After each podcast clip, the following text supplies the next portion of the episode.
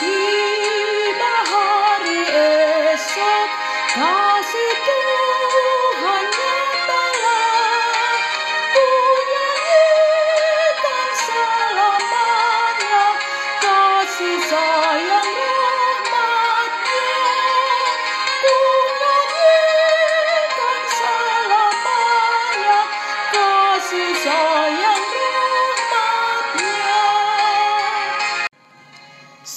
Bapak Ibu, saudara-saudari terkasih dalam nama Tuhan Yesus Kristus.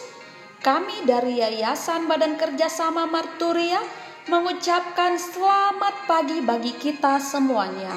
Sebelum kita memulai aktivitas kita, terlebih dahulu kita merenungkan firman Tuhan.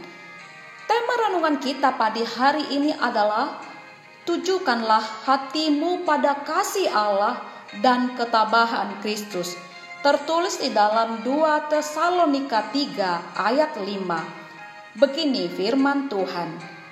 Kiranya Tuhan tetap menunjukkan hatimu kepada kasih Allah dan kepada ketabahan Kristus. Demikian firman Tuhan. Saudaraku yang terkasih, Allah adalah kasih.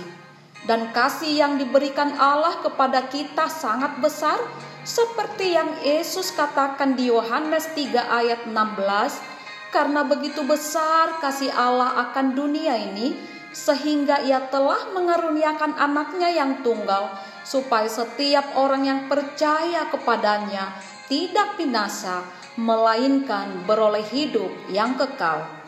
Ini adalah bukti bahwa Allah tidak pernah membenci manusia Sekalipun manusia berontak dan mendukakan hatinya, Allah tetap dengan sabar menunggu pertobatan kita dan tetap mencurahkan kasihnya kepada kita. Bapak, Ibu, saudara-saudari terkasih dalam nama Tuhan Yesus Kristus, kita pantas untuk dihukum dan dimurkai oleh Allah, tetapi Ia tidak melakukannya tidak melakukannya. Malahan Allah terus mengetuk hati kita dan berkata dengan penuh kasih, Aku tidak berkenan kepada kematian orang fasik, melainkan aku berkenan kepada pertobatan orang fasik itu dari kelakuannya supaya ia hidup. Sama dengan apa yang dikatakan Yesus Tuhan kita di Matius 4 ayat 17, bertobatlah, sebab kerajaan sorga sudah dekat.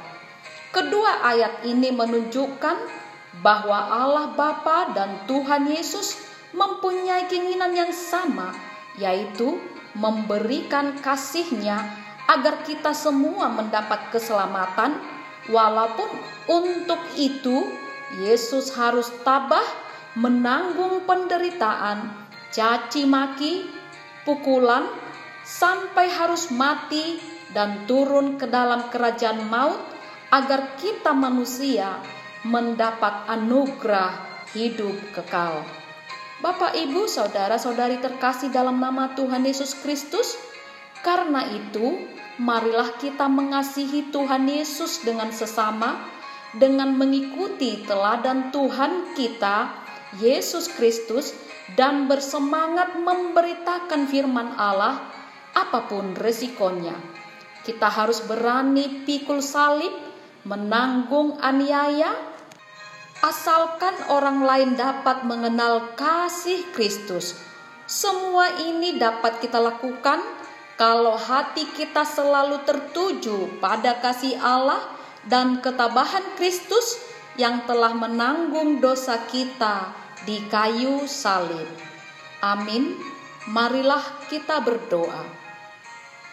Ya Tuhan, jadikanlah hati kami untuk selalu tertuju pada kasih Allah dan ketabahan Kristus dalam penderitaan. Amin. Tuhan Yesus memberkati.